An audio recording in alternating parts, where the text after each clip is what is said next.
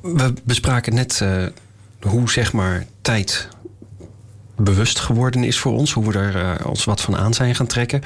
En uh, je hintte er ook al aan. Het had heel veel te maken met veel mensen op elkaar. Maar vooral ook met productie. Met dingen maken. Met veel mensen aan de hand. En ehm, de uitdrukking tijd is geld zal daar ongetwijfeld zijn oorsprong in hebben. Of niet? Ja, we weten zelfs van wie die uit, uitdrukking is. Time is money is van Benjamin Franklin. Een van de aartsvaardigen van de American Independence. En die was in 1760, 1770 onder andere in Engeland. En heeft daar de, de opkomende industrie van dichtbij meegemaakt. En hij tekende uit, een, uh, uit de mond van een vrouw die haar man, die schoenmaker was, op. Dat zij tegen hem stond te, te, te, schreeuwen in de, in, de, in, de, in de kelder van een huis waar hij aan het werk was omdat hij een beetje aan het rommelen was. En toen ze, probeerde ze hem duidelijk te maken dat, dat geld wordt verdiend door efficiënt met je tijd om te gaan. Dus er is een oorsprong van, van deze uitdrukking terug te vinden. Maar time is money werd natuurlijk in het fabriekssysteem, zoals dat in de industriële revolutie in Engeland vanaf 1780, 1790 begon te, zich af te tekenen een van de grote uh, leidmotieven geweest van het succes van de industriële revolutie. Je had het net over dat die arbeiders bij elkaar werden gepakt rond die fabriek om zo min mogelijk tijd te verliezen in verplaatsing. Maar het tweede was dat die mensen ook onderworpen werden aan een heel strafsysteem van arbeidstijden.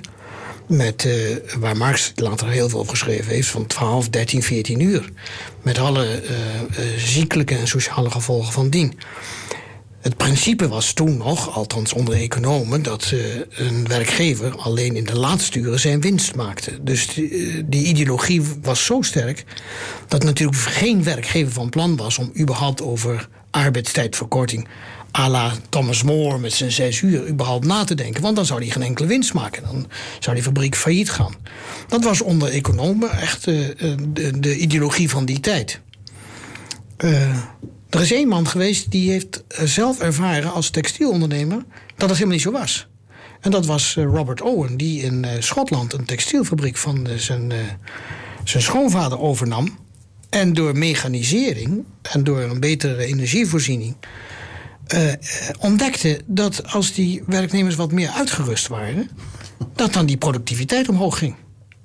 Dus hij heeft dat gewoon empirisch ontdekt doordat hij een heel straf boekhoudsysteem bijhield over de output. Meten is weten. Ja. Heel vroeg al. Dat wat, maar dat was dus een hele positieve invulling. Ja. Want hij zei, nou dan ga ik dus nu eerst van vrouwen en kinderen die in de fabrieken werken... niet alleen de arbeidstijd terugbrengen naar tien uur... maar ik ga ook een school bij de fabriek bouwen. En daar wil ik die kinderen onderwijs laten geven. En ik wil ook dat die vrouwen meer thuis zijn om die kinderen op te vangen. Dat is 1813. Heeft die man ook standbeelden gekregen? Ja, gelukkig wel. Oh, ja, okay. er, is een, er is een Owen Society nog steeds. En je kan naar dat fabriekscomplex, wat daar in Schotland, dicht bij Glasgow te vinden is, kan je gewoon op, op bezoek gaan. De, de hele oorspronkelijke situatie bestaat daar nog. Maar op de een of andere manier vond de rest van de ondernemers het niet zo interessant om het net zo te gaan doen als hij. Nee, volgens mij werden de uh, mensen die hem navolgden, die werden ook uh, utopisten genoemd, maar dan als een soort van uh, scheldwoord. scheldwoord. Ja, ja, dat was een ziekte die vooral uitgeroeid moest worden. Dus in die, in die 18e en 19e eeuw, en vooral in de 19e eeuw, was dit natuurlijk heiligschennis. Maar daarmee ontstond tegelijkertijd het maatschappelijk conflict een grote clash tussen wat het belang van uh, werknemers was en wat het belang van werkgevers was. En die werkgevers, zoals ik zei, gestimuleerd door de ideologie van de economen. Zoals meneer uh, uh, Senior. Die hielden natuurlijk voet bij stuk. Dat was, dat was, een puur economisch argument waarom die arbeiders zo lang moesten werken. Ook als ze er dood bij neervielen. En dat was begin 20e eeuw. Werd dat een beetje onderuit gehaald door uh, nou, Ford staat er onbekend, hè, die ook doorkreeg dat uh, die arbeiders ook consumenten waren. Ja, ja, maar dan spring je ineens naar 1919. Hè? Ja, we hebben nog even. We hebben nog wel even. We hebben nog, nou ja, ik moet ook even die hele 19e eeuw in een paar woorden samenvatten. Want ik gaf net al aan die maatschappelijke strijd die daardoor ontstond. Maar er, er was wel een gevoel, ook aan het eind van de 19e eeuw, met name in Amerika. En er is één ingenieur beroemd mee geworden, dat is meneer Taylor. Die ook liet zien dat als je nou maar uh, die, die, uh, die productiemethode verbeterde en daar scherp controle op hield als ingenieur, dan zou je ook zien dat die productiviteit toenam. Hij naar buiten toe hè, zei hij dan dat dan daarmee ook de arbeids uh, verkort zou kunnen worden. Maar dat was dan alleen in zijn geval voor enkele fabrieken waar veel vrouwen werkten. Voor mannen was dat eigenlijk uh, not done. Uh, die moesten het, niet zeuren. Die, die moesten niet zeuren, die moesten het zelf maar opgezien te knappen. De Steler is nooit een, een, een maatschappij hervormer geweest. Die heeft juist bevestigd dat door een straffe standaardisatie van productieprocessen... een enorme controle vanuit een ingenieursperspectief... die productiviteit enorm zou kunnen toenemen. Dus hij pikte wel op wat Owen zeg maar, proefondervindelijk had ervaren. En bouwde dat uit tot een hele ingenieursfilosofie over het moderne fabriekssysteem. Ja, en, en zijn, zijn zwaai was dus veel meer van laten we kijken hoe we zoveel mogelijk uit alle uren kunnen krijgen. In plaats van laten we uh, in zo min mogelijk uren zoveel mogelijk voor elkaar krijgen. Ja, dat, dat, dat, dat tweede, niet erg. Nee, dat tweede uh, was. Hè? Nee, nee, helemaal niet. Dus nee. we, kunnen, we, we, zitten eigenlijk met een erfenis van de 19e en de, en de 20e eeuw. Als we nu naar de 21e eeuw kijken, wij, wij komen daar maar moeilijk van los. Het heeft zoveel voordelen opgeleverd voor bepaalde, voor algemene maatschappelijke ontwikkeling, maar ook voor een bepaalde groep die er erg veel belang bij heeft uh, gehad en nog steeds heeft. Dat ze er ook natuurlijk alles aan zullen doen om, om die discussie zoveel mogelijk uh, ja, uh, in, te verdraaien, laat ik het maar zo zeggen. En ja, daar worstelen nog, nog, nog steeds mee. Het enige, de enige man waar ze het ja, moeilijk aan hebben kunnen verkopen, was Henry Ford. He, want je, maar die is toch juist van de mechanisatie en alles lekker eh, aan de lopende band ja, doordrijven? Die heeft wat, wat Taylor had ontwikkeld eh, in, in, in, in vergrote mate in zijn fabriekssysteem doorgevoerd. Uh, maar hij had een ander probleem. Die groei van die fabrieken die ging zo snel dat hij arbeiderstekort had. En uh, om dat probleem op te lossen, dus veel meer arbeiders in die grotere fabrieken die hij voortdurend aan het bouwen was, uh, had hij maar één truc om die mensen erin te krijgen en erin te houden. Want er was een enorme migratie voortdurend in die fabrieken. Dat was de, uh, het strijdmotief van de Amerikaanse en ook de Europese vakorganisaties voor een achturige arbeidsdag. Om die in één keer te geven. Maar je moet hem oppassen. Het waren wel twee shifts. Hè, twee, uh, twee diensten. Uh, van allebei acht uur. Die, die, die voerden die tegelijkertijd in. Dat die hadden die vakorganisatie eerst niet in de gaten. Die dachten acht uur per dag, dat is mooi.